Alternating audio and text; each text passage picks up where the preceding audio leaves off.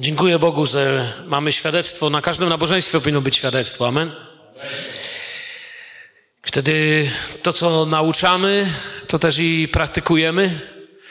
Wiecie, dla mnie pełne nabożeństwo jest wtedy, kiedy właśnie nie tylko mogę uwielbiać i chwalić Pana, kiedy chwały, które mamy, pieśni uwielbienia dotykają nieba. Wiecie, kiedyś jeden doktor, Żyd zresztą, odkrył, że ludzie, którzy trwają w chwałach, w uwielbieniu, podnoszą ręce, modlą się, śpiewają Panu, mają zdrowsze serce, zdrowszą psychikę, są wolni od depresji, od wielu innych rzeczy.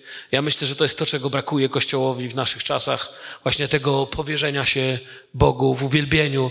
A potem druga rzecz to jest świadectwo. Wiecie, kiedy kazanie można powiedzieć bardzo dobre, ale czasami, kiedy słuchacie kazania, człowiek zastanawia się, no dobra, kazanie kazaniem, ale czy to działa? A świadectwa są właśnie potwierdzeniem, że kiedy człowiek słucha słowa, chodzi z Panem, to to działa. A kiedy człowiek nie słucha słowa i nie chodzi z Panem, to choćby nie wiem, jakie kazanie zostało powiedziane, równie dobrze moglibyśmy Marksa czytać tyle samo działa. Ja chciałbym zacząć dzisiaj pewien, pewną serię, pewien cykl kazań.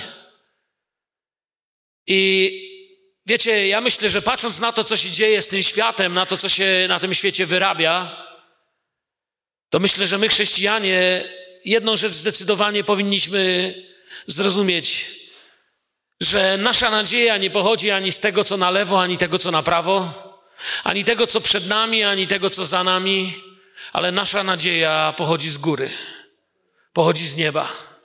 I tak o niebie chciałbym mówić. Wiele, wiele notatek w moim życiu zrobiłem. Mam wielki, gruby notes, zapisany myślami tylko i wyłącznie właśnie w tym kierunku idącymi. I tym chciałbym się dzisiaj z Wami podzielić kilkoma swoimi myślami, notatkami, nauczaniem i tak dalej. I dzisiaj chciałbym to rozpocząć, a jak Bóg da, to kontynuować przez następne nabożeństwa, szczególnie, że jak tu dzisiaj brat prowadzący powiedział, wchodzimy w taki okres, który ludzie nazywają adwent, czyli to oczekiwanie, to, to przybliżanie się do czegoś.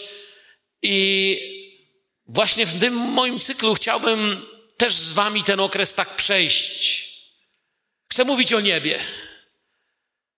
Ale nie tak od razu o samym niebie, jak o tym wszystkim, co łączy niebo z ziemią. O tym, jak się niebo na ziemi objawia. O tym, jak niebo wpływa na sprawy ziemskie i o różnych innych sprawach. Nie pamiętam, kiedy pierwszy raz w życiu usłyszałem o niebie, chyba w szkole. Kiedy mnie nauczycielka poprosiła, czy mam zrobione zadanie.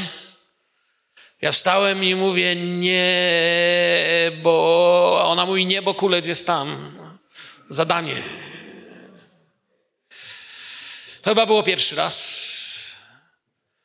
Potem, kiedy się nawróciłem, zrozumiałem, że niebo jest niezwykłym miejscem. Niebo jest miejscem, gdzie z jednej strony Bóg wszystko o nas wie, ale jest też miejscem, gdzie wszystko to, co dobre jest. Powiem Wam jeszcze jedną anegdotę ciekawą. Raz jeden robotnik, fachowiec, poszedł do nieba. Wiecie, jak to fachowcy, robotnicy tacy z budowy, nie? Poszedł do nieba i oczywiście, żeby anegdota trzymała się tej kupy, no to przy bramie musi być Piotr i tak dalej. Teologię na chwilę wyłączcie, jeśli możecie. Staje i patrzą tam na niego i mówią, zasłużyłeś na to niebo. Tak patrzą, czy nie zasłużyłeś. Ale mówią, no, 82 lata życia, to już będziemy wszystko wiedzieć. On mówi, momencik, ja nie mam 82 lata. Coś się mylicie, to chyba nie mnie mieliście tutaj zawołać. Ale tamten przysłowiowy Piotr, czy anioł, czy jak tam wolicie, spojrzał jeszcze raz w notatki, mówi, moment. Mówi, no ty jesteś Jan Kowalski. No mówi, no ja. Jan Kowalski z Warszawy. No ja. To 82 lata. Mówi, ale panowie, ja nie mam 82 lata. Ja mam 42 lata. I no według godzin, za które wziąłeś swoje zapłaty i wpisałeś do dokumentów pracy przepracowanych, to 82 masz. Ludzkie sposoby się nie przydadzą. A więc wracając do tematu, chciałem Was zaprosić na cykl kazań, które, jak wierzę, staną się dla Was zachętą, wskazówką, nauczaniem w naszym chrześcijańskim życiu. Wykłady o niebie i wykłady o sprawach dotyczących wokół nieba. O niebie się ciekawie mówi, bo nikogo z was tutaj nie ma, kto mógłby stać i powiedzieć, no ja już byłem kilka razy. Nikt z nas nie był, nie byliśmy, nie widzieliśmy, ale mamy Biblię, czytamy, Bóg nam troszeczkę odsłonił, możemy coś powiedzieć. I dzisiaj chciałbym się dzielić częścią pierwszą, czyli a co potem? Czyli chciałbym mówić o tym, jak się przechodzi tam. Czyli jesteśmy teraz tu. Pomyślcie, każdy z Was teraz tutaj siedzi. Jesteście, czujecie, siedzicie? Wiecie o tym, że Wasze serca teraz biją? W środku w Was jest życie. A co by było, gdyby teraz Twoje serce stanęło? Gdyby nagle uszedł z Ciebie duch?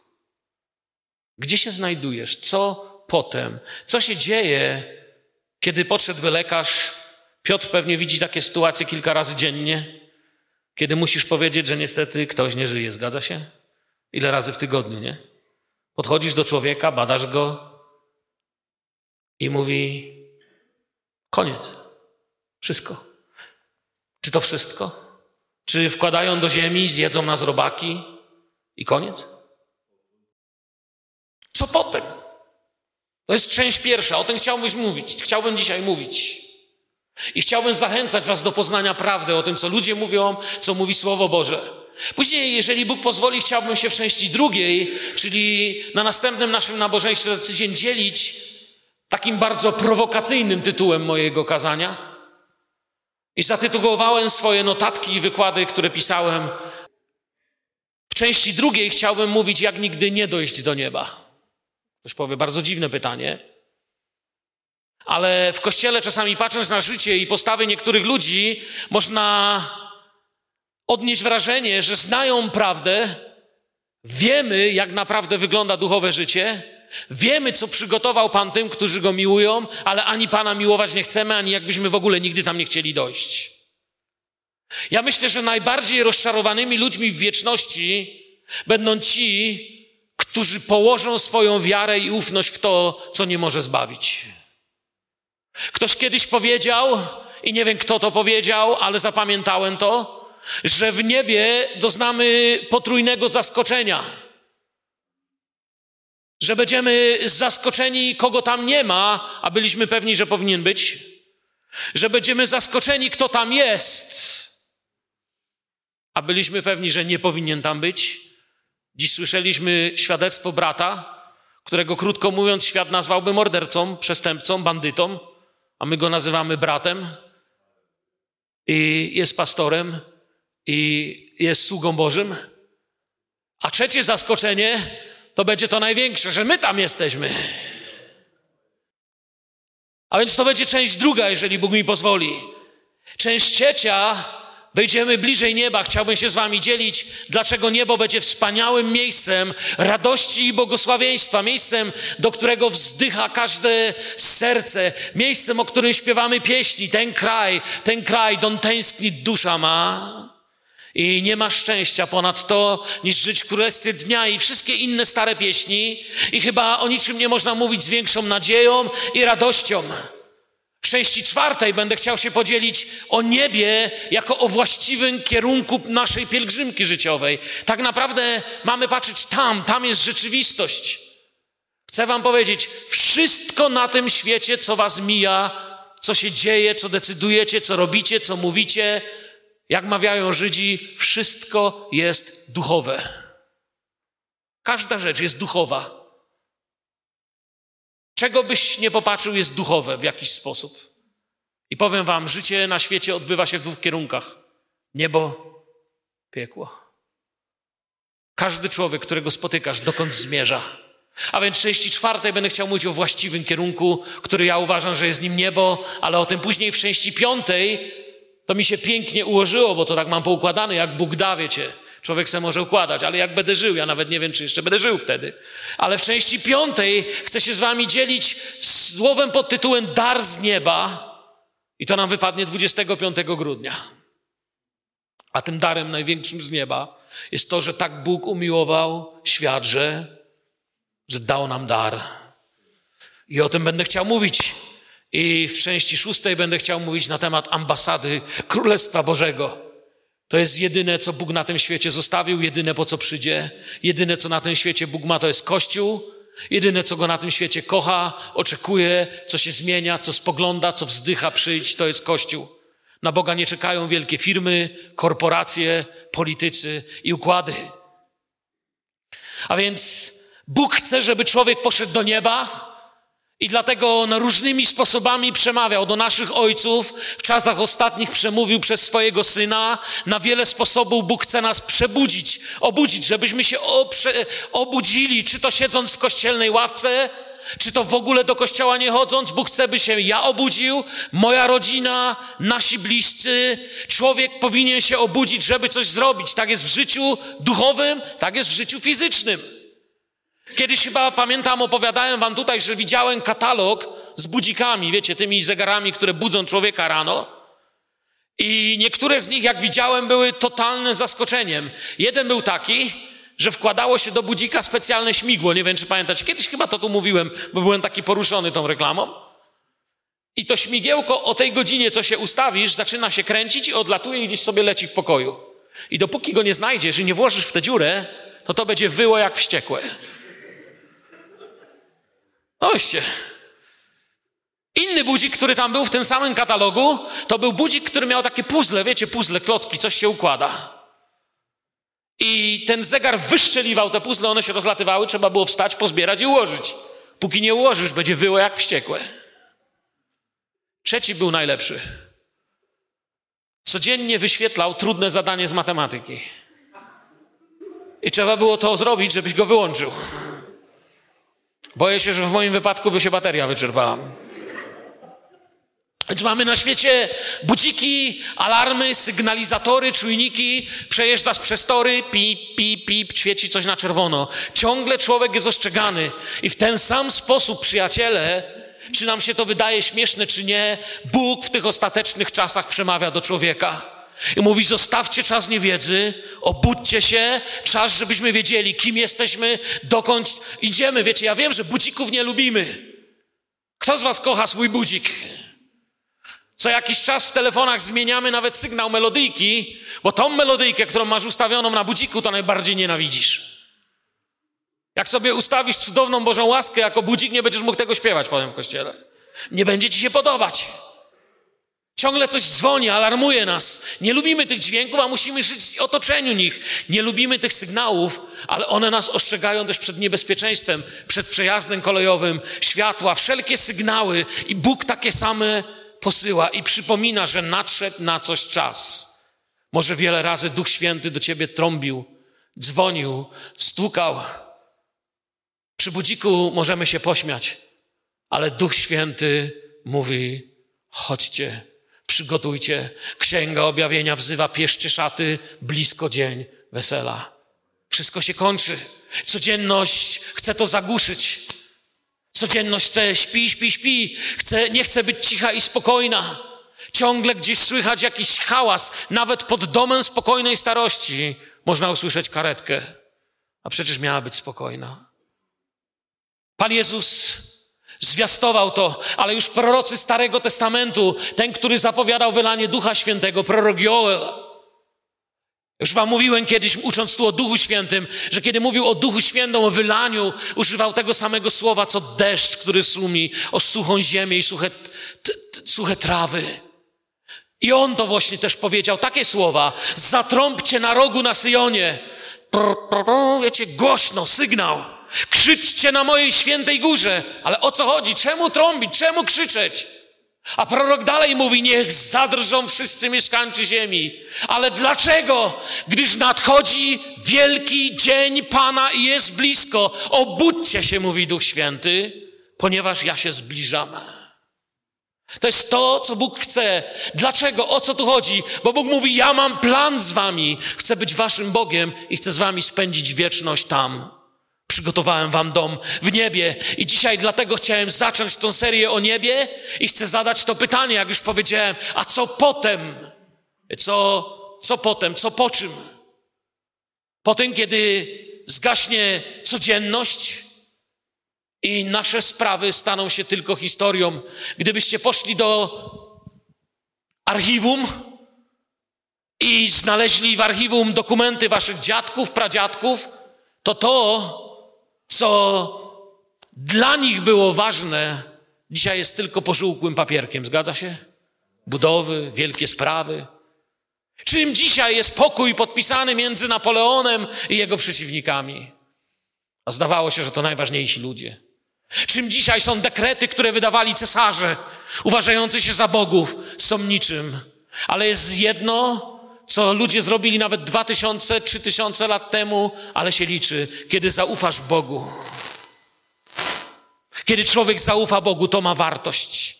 A więc co potem, kiedy zgasną nasze oczy, kiedy zgaśnie światło, kiedy któregoś dnia lekarz, ja do dziś pamiętam, jak stanął nad łóżkiem mojego taty lekarz, dotknął tatę tu, zamknął mu oczy i spojrzał na moją mamę.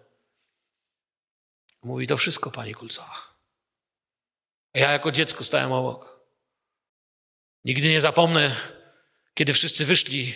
To było o pierwszej w nocy. Potem przyszła druga w nocy. Trzecia, ja siedziałem przy tacie.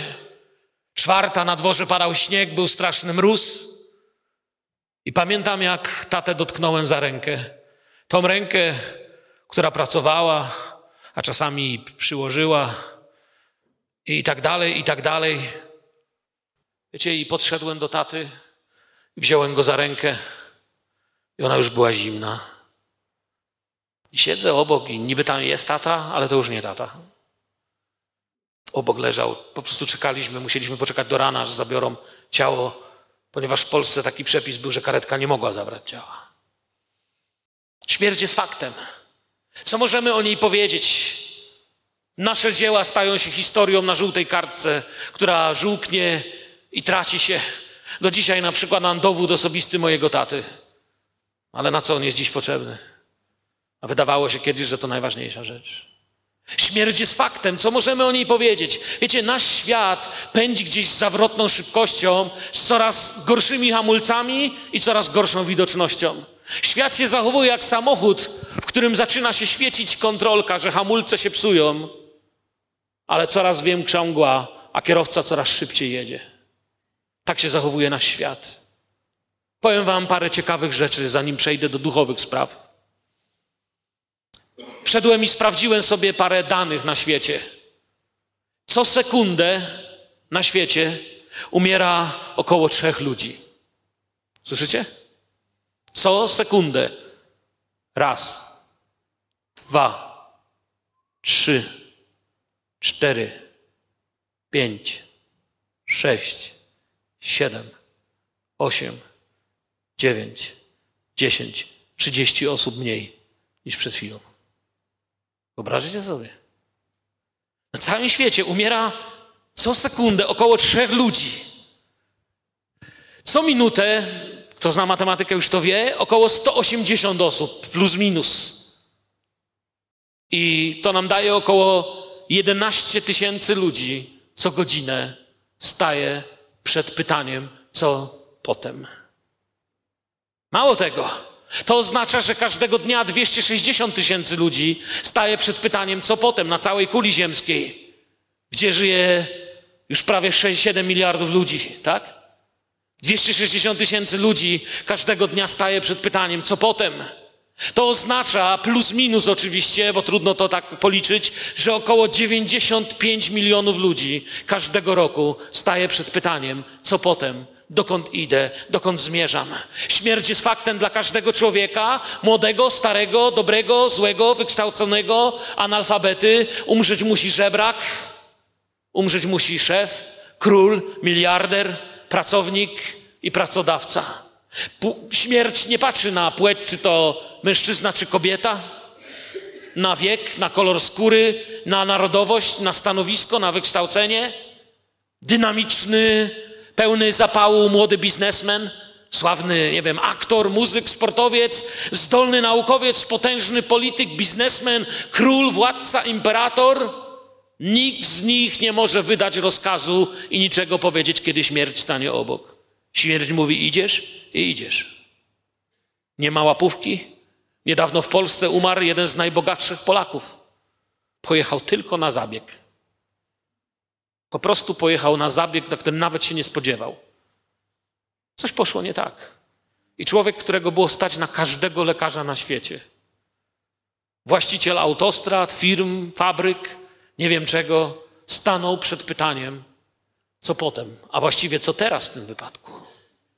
Potężni i mali stają się jak takie zabawki dla dzieci, kukiełki, laleczki.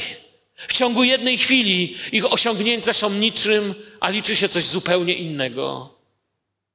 Konto w banku, majątek, stanowisko, wpływy śmierć nie interesuje. Może służą ku dobru lub są przekleństwem dla tych, którzy, co zostają na ziemi, ale ich dni stają się nicością. Że nikt nie wie, co będzie, bo któż mu powie, jak to się stanie. Nie ma człowieka, który by miał moc nad wiatrem i mógł go zatrzymać. Nikt nie ma mocy nad dniem śmierci i nie jest zwolniony od walki, a bogactwo nie uratuje tych, którzy je posiadają. Mówi jednym słowem to wszystko, o czym ja mówię już pół godziny, Biblia. Śmierć nie patrzy na czas i miejsce.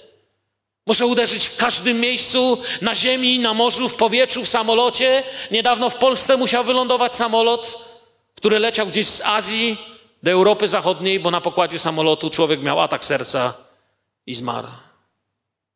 Śmierć nie patrzy i nie mówi, a jak w samolocie to poczekam. No poczekam, aż wylądujemy.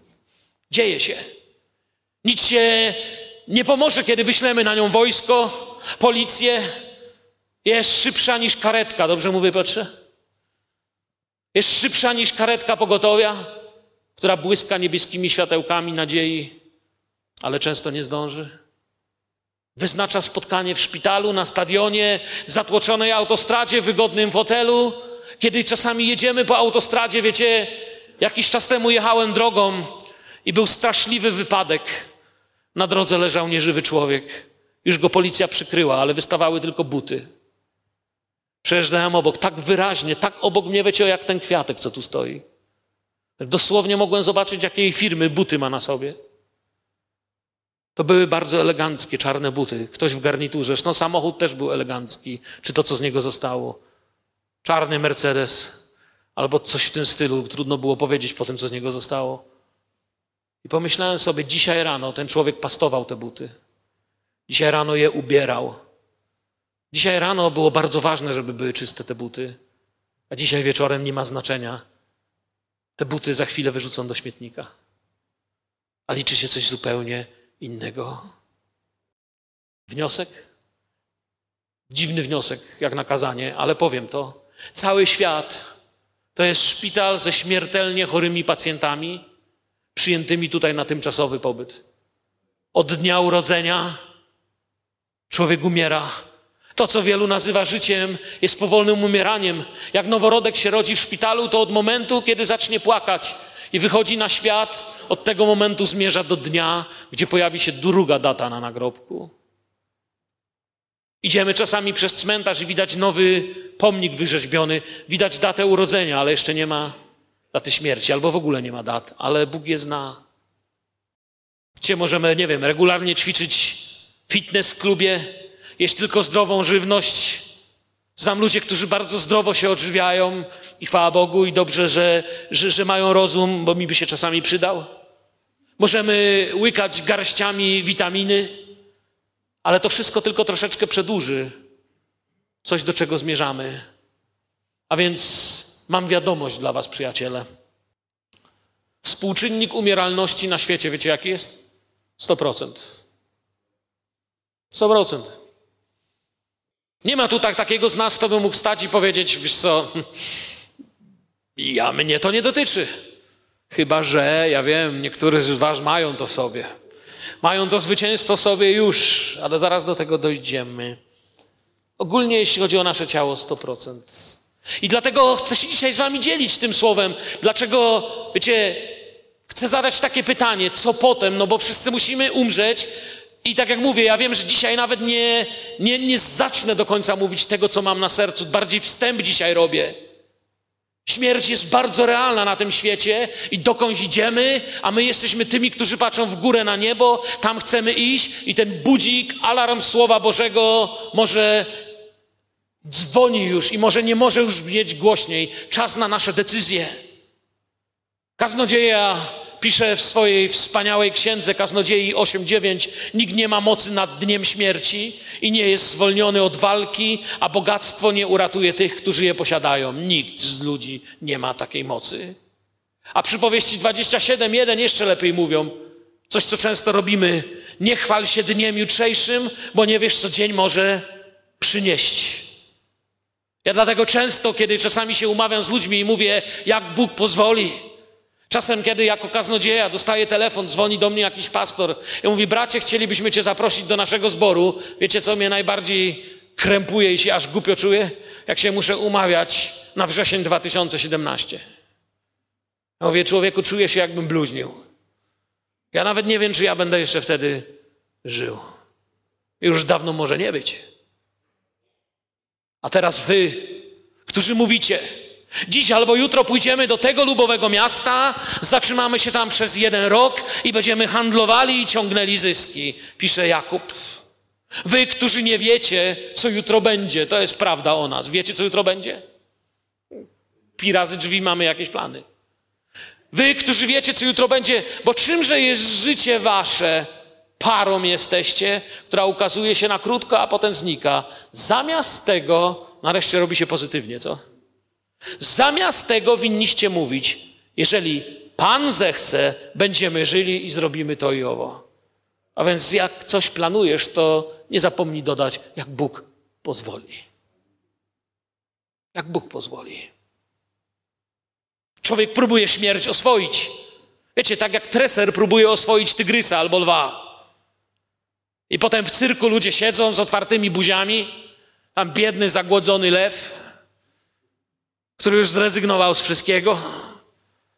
I facet z batem i próbuje tego lwa oswajać. I człowiek myśli, że to samo ze śmiercią zrobi.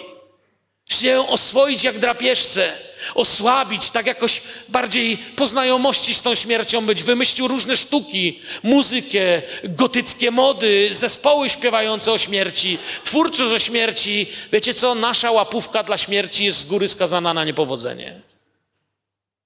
Nie lubimy mówić prawdy na ten temat, a powinniśmy. Boimy się śmierci. Pojawia się w nas strach. Pojawia się strach. Pierwszym strachem jest nawet nie sam strach przed śmiercią, a strach przed bólem, który niesie.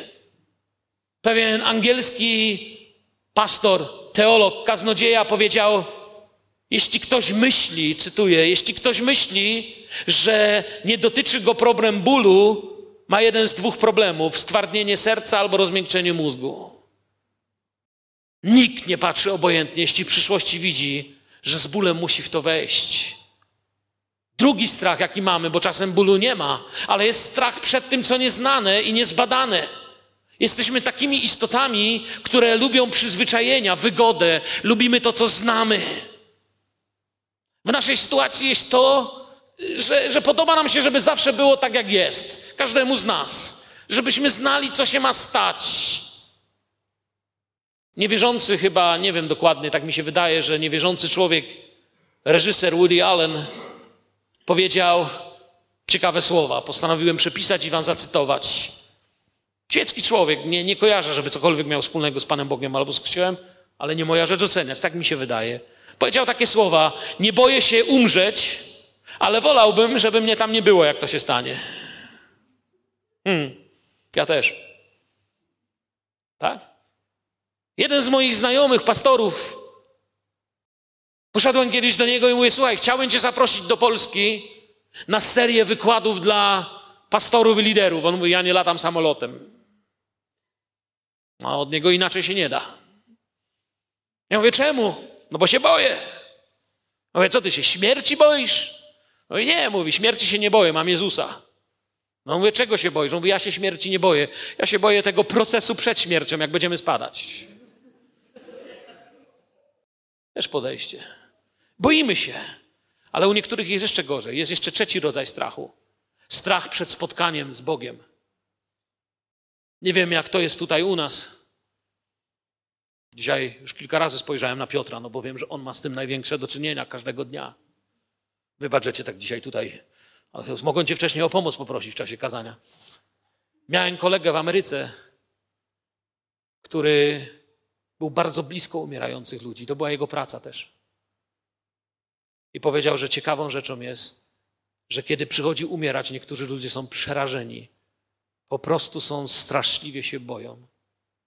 Nagle całe życie odrzucali, a tam nic nie ma, tam śmierć. Wiecie, to się dobrze mówiło, kiedy pili kolejnego szampana. To się dobrze mówiło, kiedy siedzieli przed telewizorem w domu, ale nagle, kiedy są połamani, rozerwani, rozszarpani i w karetce lekarz im mówi, czy życzą sobie księdza, pastora, czy kogoś.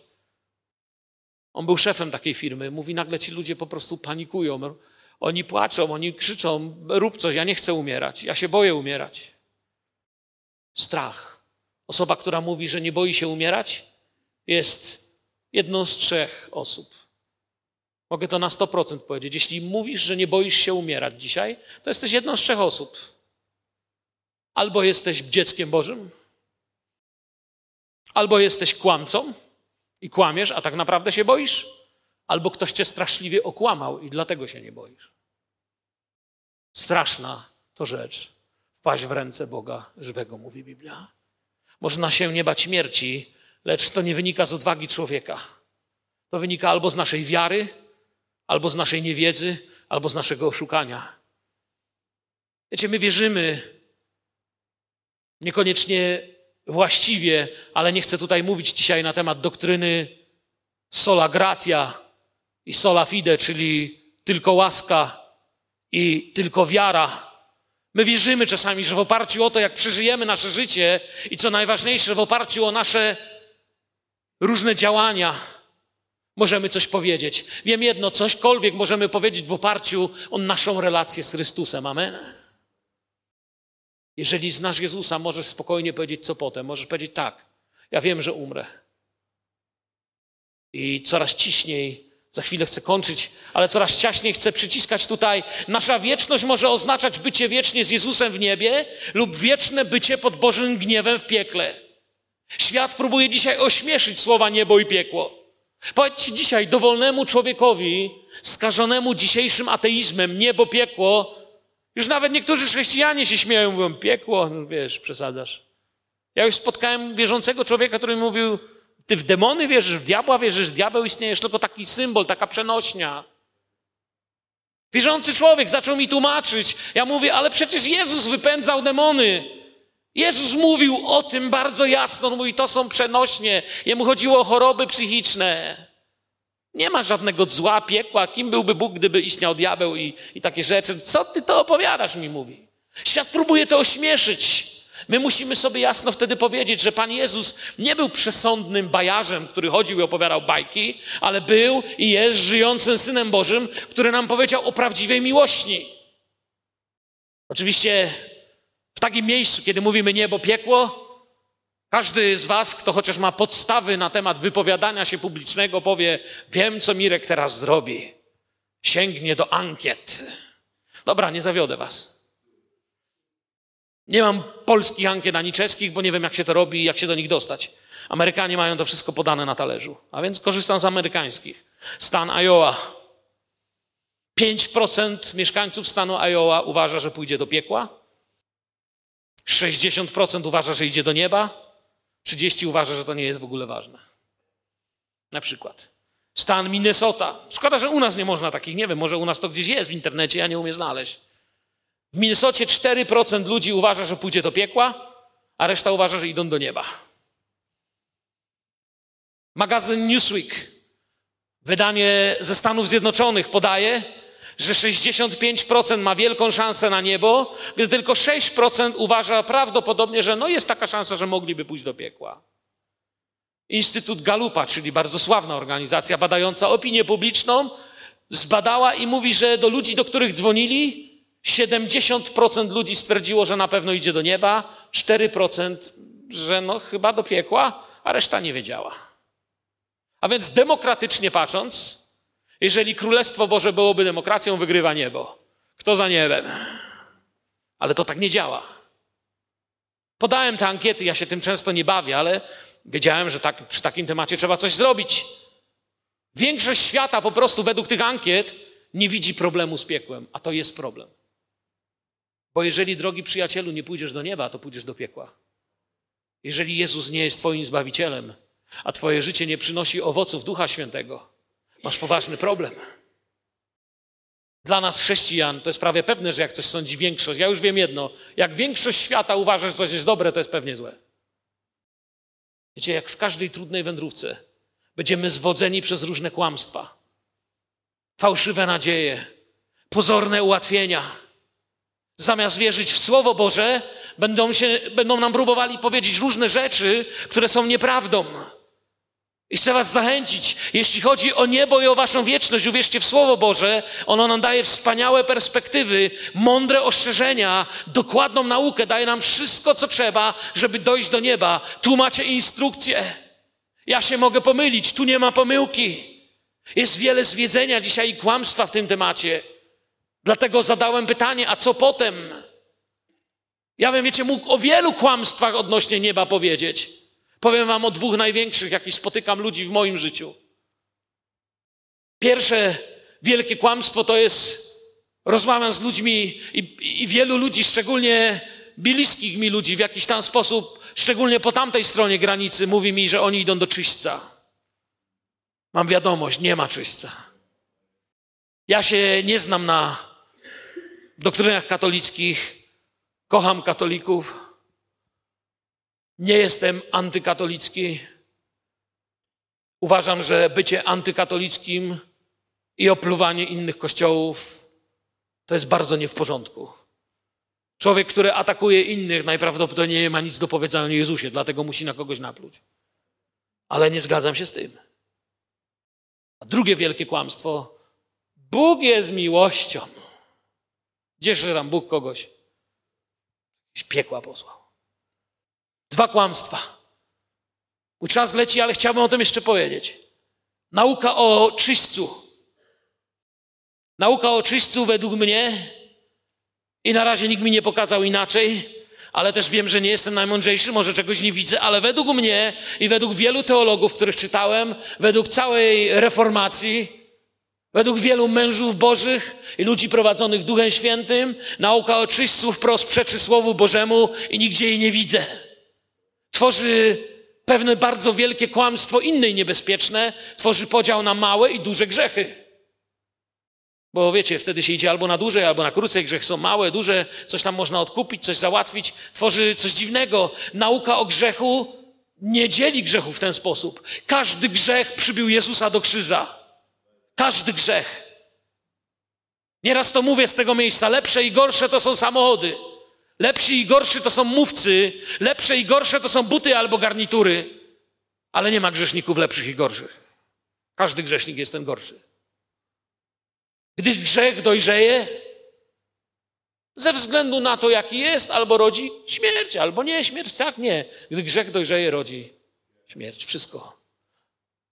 Również zapłatą za grzech jest, no zależy jaki, nie. Zapłatą za grzech jest śmierć. Lecz darem łaski Bożej jest żywot wieczny w Chrystusie Jezusie, Panu naszym. To jest wyjście z grzechu. To jest sposób. Nie ma małych grzechów albo dużych grzechów, bo Bóg jest bardzo, bardzo, bardzo, bardzo, bardzo święty i każdy grzech jest bezprawiem wobec Boga i stoi przeciw Bogu. Kiedy czytałem na te tematy nieraz, próbowałem zrozumieć, kupowałem książki. Chciałem wiedzieć, wiecie, ja taki jestem, że nie chcę po prostu powiedzieć, nie ma czyśćca, bo tam inni tak uważają. Ja chcę to wiedzieć. Więc kupiłem jedną, drugą, trzecią rzecz. I zobaczyłem, że większość z nich próbuje mi zrobić wodę z mózgu. Tak słowami obracać, jak to się u nas mówi, obracać kota ogonem. Żadna z nich mi tak naprawdę nie wytłumaczyła na podstawie Słowa Bożego tego, co chciałem znaleźć. To, co powiedział Bóg, się nie zmienia. To, co powiedział człowiek, może zawieść i jest zmienne. Boże Słowo jest niezmienne. Nauka o czyśćcu mówi, że jest nadzieja na odnowę i zmianie po śmierci. Biblia zaprzecza temu zdecydowanie. Dane jest człowiekowi umrzeć, a potem sąd. I nie masz żadnej nadziei na żadne zmiany, chyba że Jezus jest moim Panem. Jeśli wyznasz Jezusa Panem, usłyszysz to, co usłyszał bandyta na krzyżu. Jeszcze dziś będziesz ze mną w raju. Kaznodzieja ciekawie mówi poetycko, czy drzewo pada na południe, czy na północ. Tam leży, gdzie pada. Kaznodziei Salomona 11.3. Jak padnie, tak leży. Nasze dobro nas nie zbawi. I mówiliśmy już, że nieraz na tym miejscu, że korzeniem zbawienia jest wiara. Korzeniem waszego zbawienia jest wiara, słyszycie mnie? Uczynki są owocem zbawienia. Nie palę, nie piję, nie kradnę, nie dlatego, że za to pójdę do nieba, ale nie piję, nie palę, nie kradnę, nie ćpam, nie wiem, co jeszcze nie robię, dlatego, że do nieba idę po drodze. Jeżeli robimy na odwrót, to sadzimy drzewo gałęziami w dół, korzeniami w górę, co mi się nieomal kiedyś przyprawiło. Kupiłem kiedyś w supermarkecie drzewo i gdyby nie jeden kolega, to bym je tak właśnie posadził, taki ze mnie znawca.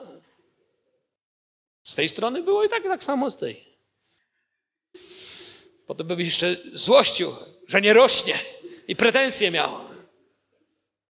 Jeżeli ktokolwiek doświadczy zbawienia, to musi wiedzieć, że wszystkie nasze cnoty są jak szata splugawiona. Amen, słyszycie? Wszystkie nasze cnoty. Wszyscy więdniemy jak liście, a nasze przewinienia porywają nas jak wiatr, mówi Izajasz. Dlatego jeśli ktokolwiek chce doświadczyć zbawienia, stanie się to tylko w jeden, jeden z możliwych sposobów. Powtórzcie, powiedzcie jeden, możecie? Jeden, jeden słyszycie? Albowiem łaską zbawieni jesteśmy przez wiarę i to nie z was, Boży to dar, nie z uczynków, aby się ktoś nie chlubił. I to jest to, co wam da pewność wejść. Jeśli się naucza inaczej, naucza się, że Jezus nie jest tym jedynym, ale ktoś poza Jezusem też ma jakieś klucze. Byłoby lekkomyślnością dodać ludziom. Człowiek by tam zaraz wprowadził korupcję i kłamstwo. Jezus mówi, że On jest żyjący. Byłem umarły, lecz oto żyję na wieki wieków i mam klucze śmierci i piekła. To jestem ja, mówi Jezus. Jeśli tego się nie naucza, to się naucza ludzi, że wiesz, niekoniecznie do piekła. I naucza się ludzi, że muszą składać ofiary za swoje grzechy.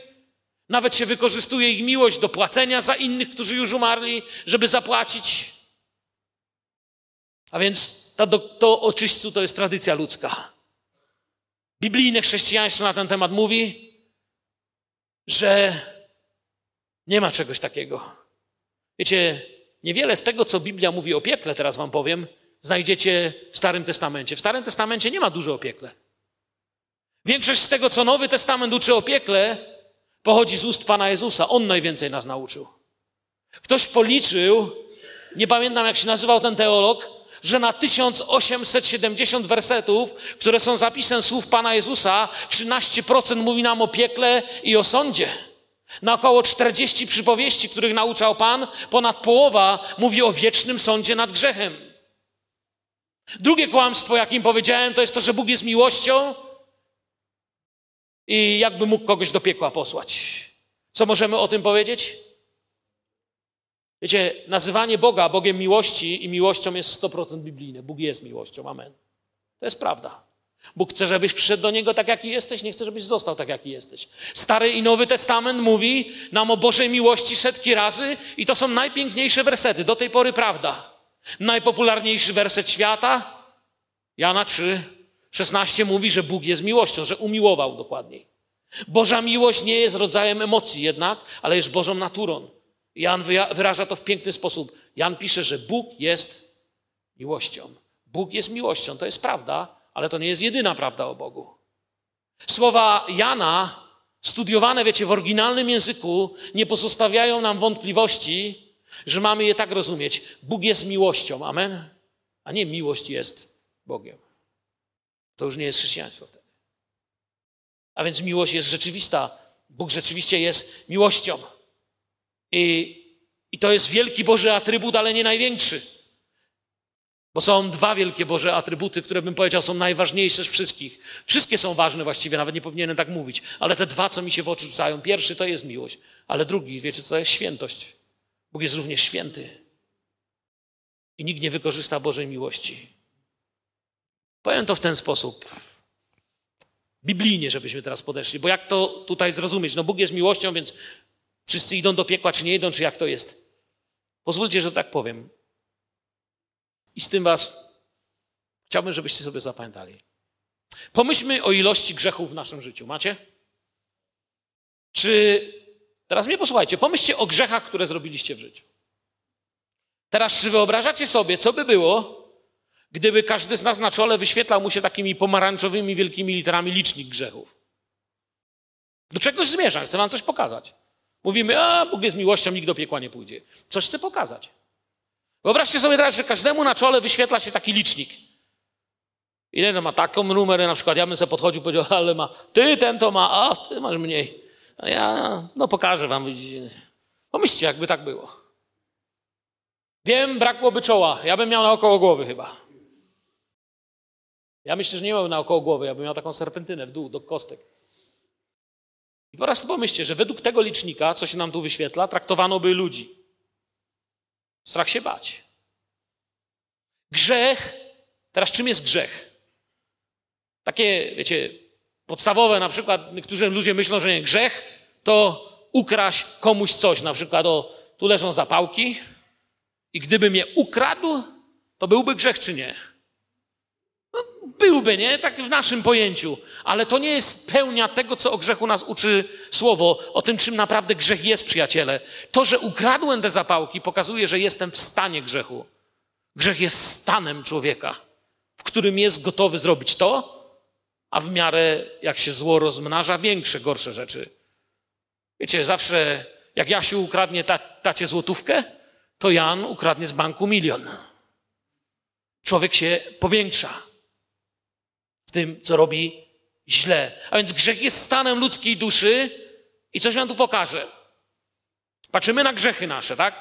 Załóżmy teraz, że grzeszymy raz na godzinę. Wyobraź że jesteś taki, że grzeszysz raz na godzinę, no. Coś wam chcę pokazać. Nie żartuję, chcę wam, abyście coś zrozumieli, przyjaciele, o grzechu. Załóżmy, że grzeszymy raz na godzinę, to nam daje jakieś 16 grzechów dziennie. U innych może 20, bo jeszcze trzeba pospać trochę. Ale załóżmy, że grzeszymy raz na godzinę i daje nam to 16 grzechów dziennie. Ja wiem, że tego się tak nie robi, to nie jest teologia. Ja próbuję wam coś wyjaśnić. Dalej daje nam to około 112 grzechów w tygodniu. To nam daje około 3472 grzechy w miesiąc. A rok zamykamy ilością około 41 664 41 664 grzechy w rok. Gdyby to tak liczyć, ja wiem, że to się tak nie robi, ale coś chcę powiedzieć. Teraz załóżmy, że umierasz w wieku 70 lat i stajesz przed świętym Bogiem, czyli miałeś 70 lat, licząc naszą matematyką, którą liczyłem, stajesz przed Bogiem i masz na sumieniu około 2 milionów 916 480 grzechów. Ja wiem, że to nie jest najbardziej prawidłowe podejście, ale chcę wam coś wytłumaczyć. Każdy z nich jest wystarczający, by zamknąć nam drogę do nieba i otworzyć do piekła. Zgadza się? Każdy. A żyjąc 70 lat i żyjąc takim świętobliwym życiem, jakim mówiłem, mamy ich 2 miliony rocznie. Gdy zrozumiemy, jak święty Bóg nienawidzi grzechu, zadamy mądrzejsze pytanie i do tego Was chciałem doprowadzić. Nie będziemy pytać, w jaki sposób, jeżeli zaczniemy rozumieć, o czym mówi ta księga, nie będziemy pytać, w jaki sposób Bóg, który jest miłością, może kogoś posłać do piekła, ale zadamy, w jaki sposób tak święty Bóg może kogoś w ogóle do nieba przyjąć. Wtedy zaczniemy się uczyć o łasce. I spojrzymy na łaskę i na to, co Bóg dla nas zrobił. I wtedy sobie przypomnimy, co rzeczywiście dla nas zrobił Bóg. Pamiętam lata temu w Teksasie, w szpitalu, jeden z pastorów, mój przyjaciel, został wezwany na oddział onkologii. Wiecie, co jest onkologia? Tam, gdzie ludzie na raka umierają. Wrócił roztrzęsiony. Mówił, że kiedy szli przez korytarz, zdali sobie sprawę, że są w jednym z najgorszych miejsc, gdzie może trafić żywy człowiek na ziemi. I stanęli przy łóżku brata, zresztą byłem również w odwiedzinach u niego, nazywał się Bob, który był dosłownie zjedzony przez raka. Jego twarz była zgnita, policzki odpadły i unosił się nad nim taki smród, że nie można było wytrzymać w tym pokoju, gdzie on leżał. Wyglądał jak potwór, jak upiór z najgorszego koszmaru. Był zjedzony przez ból i raka. Ten człowiek żywcem gnił i umierał. Kiedy bracia usłużyli mu ostatni raz, pomodlili się i wyszedł, ten pastor zaskoczył mnie bardzo dziwnymi słowami. Czy wiesz o tym, że każdy w piekle zamieniłby się z tym bratem dzisiaj miejscami? Każdy człowiek z piekła wolałby być na jego miejscu, niż być w piekle.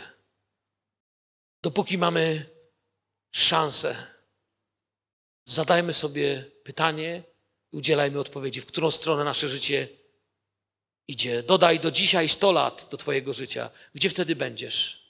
Jak Ci się wydaje, dokąd Twoje dziczy dzisiaj idzie? Jaki ma kierunek? Czy czujesz, że w Twoim domu jest coraz więcej nieba? Ja sobie to pytanie zadaję. Ja nie tylko Was to pytam, ja naprawdę o tym myślę. Niebo to przepiękne miejsce. Wszystko to tam jest wspaniałe, bez skazy, miejsce doskonałości dla doskonałych ludzi. I dlatego Pan Jezus musiał przyjść na świat, bo nie byłoby dla mnie nadziei. A więc nie mówmy, jak Bóg mógłby kogoś posłać do piekła. Mówmy, jakąż wielką miłością okazał mi Bóg, że nazwał nas dziećmi Bożymi, że mogę znaleźć ucieczkę przez krew Jezusa, że mogę znaleźć przez krew Jezusa ratunek. To tyle na dzisiaj. Widzicie, akurat doszedłem, wstęp zakończyłem. Ja jestem chyba straszny gaduła. Wiecie, już dziś powiem tak, jak Pan Bóg da nam dożyć, zapraszam Was na drugą część. I dlatego ją zatytułowałem, jak nigdy nie dojść do nieba. Odpowiedź jest prosta. Dzisiaj Wam odpowiem to, o czym będę mówił za tydzień, jak Bóg da dożyć. Jak nigdy nie dojść do nieba? Położyć swoją ufność w to, co do nieba Was nigdy doprowadzić nie może. Powstańmy do modlitwy. Ojcze, wywyższam Ciebie i dziękuję Ci, że pomimo naszych niedoskonałości, pomimo tego, że gdyby się grzechy liczyły nam na czole, czoła by nam nie starczyło, Ty na nas położyłeś swój znak. Znak Ducha Świętego dla każdego, kto z łaski wzywa. Panie, wyznaję Ci z pełną świadomością, jestem grzesznikiem, który zasługuje tylko na piekło, ale dziękuję Ci, że zbawiłeś mnie przez krew baranka, że dwa tysiące lat temu na krzyżu Golgoty Syn Boży miał przebite ręce, przebite nogi i umierał za moje grzechy. Dziękuję Ci za to, Panie. Dziękuję Ci, Panie, żeś mnie tak bardzo ukochał, że mi objawiłeś siebie. Wybacz, Panie, za wszystkie dni, kiedy ja to wszystko psuję, kiedy zapominam. Wybacz mi, kiedy zapominam, jaką miłością obdarzył mnie Ojciec, że nazwał mnie dzieckiem Bożym. Panie, teraz wyciągam dłoń w błogosławieństwie nad wszystkimi, którzy tu w zborze stoją, a którzy teraz sobie zadają pytanie, gdzie idę. Proszę Cię, błogosław szczególnie tych, którzy sobie zadali dziś to pytanie, dokąd zmierzają. Zadają sobie pytanie, co zmienić w moim życiu. Zadają sobie pytanie, czy Jezus ma dość miejsca w moim życiu. Proszę Ciebie, abyś uczynił sobie miejsce tutaj, gdzie światło dla innych jest dane, gdzie będziemy świadectwem dla innych, że taką miłością będziemy mieć wzajemnie do siebie, że ludzie będą widzieć, że oto jesteśmy uczniami Jezusa. Chwała Tobie, Panie, i cześć. Halleluja. Niech Pan Was błogosławi, prowadzi. Chciałbym, byśmy za chwilę jeszcze bracia parę innych rzeczy mają, ale zakończyli tą przynajmniej duchową część. Czy jest tutaj grupa chwały? Możecie wrócić i zaśpiewajmy jeszcze raz tą pieśń, którą śpiewaliśmy o Bożej miłości. A wtedy wszyscy poznają. Wszyscy poznają. Co poznają? Że jestem bogaty, wykształcony, mądry, poznają, że jesteśmy Jego. Katka chce tylko dobry mikrofon, takiego nie będzie śpiewać. Ale zanim, nie bój się, nie będę śpiewał, nie zepsuję nic. Zanim to zrobimy, mam prośbę, kiedy będziemy śpiewać tą pieśń. Zobacz, kto stoi przed Tobą, za Tobą, obok Ciebie i podaj mu rękę i powiedz, niech Cię Bóg błogosławi. Dziękuję za Jezusa.